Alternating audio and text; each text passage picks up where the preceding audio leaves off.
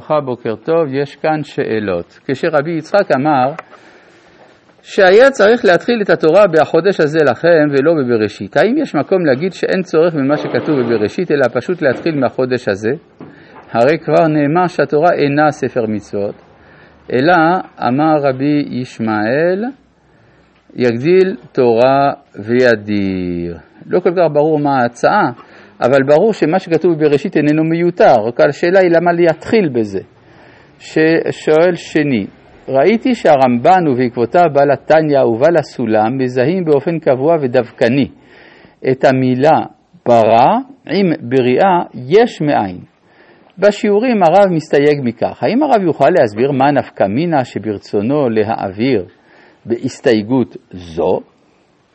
אני לא מסתייג מהאמירה שברא זה אה, אה, יש מאין, רק שזאת לא המשמעות הראשונית. המשמעות הראשונית של המילה ברא זה דבר ראשוני. זאת אומרת, זה יכול להיות ראשוני כי זה יש מאין, יכול להיות שזה ראשוני כי זה ראשוני, אבל לא יש מאין. כך שאי אפשר להכריע במילה ברא שפירושה יש מאין דווקא. זאת כל הכוונה. עכשיו, אה, אנחנו ממשיכים בבראשית, הגענו לפרק א', עד כמה שאני זוכר, כן, והגענו לפסוק א'. עכשיו, כיוון שאפשר להאריך בפסוק א' שנים, כן, הרי יש ספר תיקוני הזוהר שיש בו 70 פרקים על המילה בראשית בכלל. אז אה, אנחנו נצטרך לעשות מאמץ ולעקור מפסוק א' ולעבור לפסוק ב'. אני יודע שזה דבר שדורש איזשהו מאמץ אה, נפשי לא קטן, אבל בכל זאת. והארץ, הייתה תוהו ובוהו, וחושך על פני תהום, ורוח אלוהים מרחפת על פני המים. אז קודם כל להבין את המילה והארץ. הוו, רש"י מסביר שזה במובן של כאשר. כשהארץ הייתה תוהו ובוהו. אז יכול להיות באמת, כפי שאמרנו, שזה כמין עבר מוקדם. אבל מה שחשוב לנו כאן זה שהתורה חזרה על מילה שכבר הייתה כתובה בפסוק א', בראשית ברא אלוהים את השמיים ואת הארץ והארץ. אבל יש כנראה איזשהו הבדל בין המילה הארץ לבין המילה והארץ, אף על פי שו' היא ו' החיבור או ו' העניין וכדומה. אבל כנראה שברגע שמכפילים משהו, אז כאן מתחילות הבעיות. כן? השמיים נשארו נקיים, אין, אין עיסוק בשמיים עד מעמד הר סיני. אבל והארץ, כשנכנסים אל העולם הממשי, כאן אנחנו רואים את הצרות.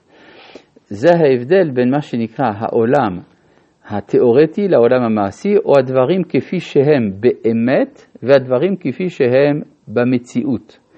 באמת, שמיים וארץ זה נפלא, במציאות יש קשיים, והארץ הייתה.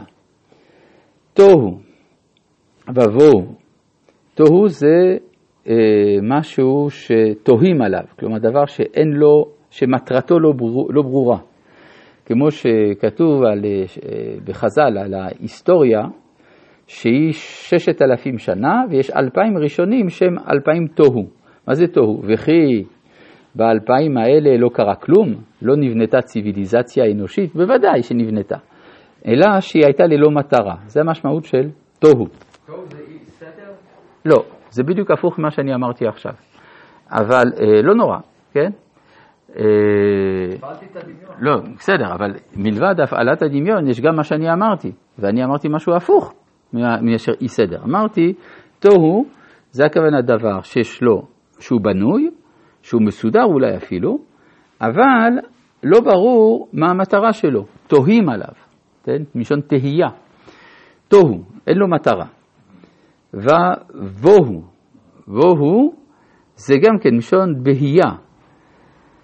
וחושך, אז יש פה אה, חושך על פני תהום. מה זה תהום? תהום זה מים. כן, תהום. כן, תהום זה מים, כן. מה ההבדל הרב בין בואו לתוהו? זה דבר שאתה תוהה, זה דבר שאתה בוהה עליו, כן? מה עושה הבהייה?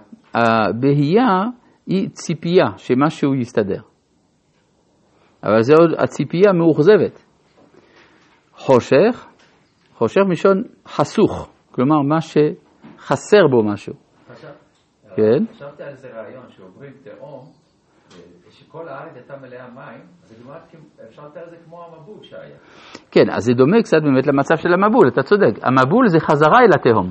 זה חזרה אל התהום. כן, שימו לב שהמילה תהום והמילה תוהו זה כמעט אותה המילה, גם כן. רק שזה סתום, כן? המם סותמת את התוהו. ורוח אלוהים. אז מה זה רוח אלוהים? אלוהים יכול להיות במובן של דבר חזק, כן?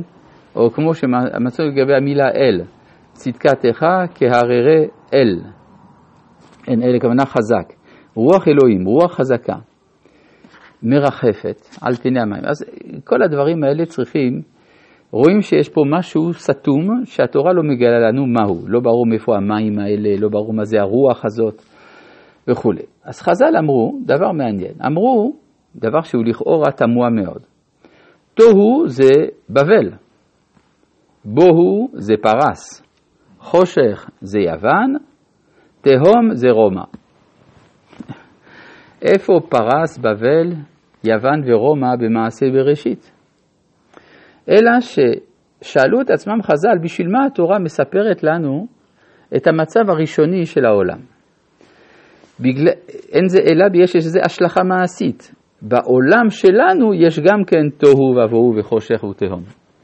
כלומר, בתוך ההיסטוריה האנושית יש הרבה מאוד בלגן.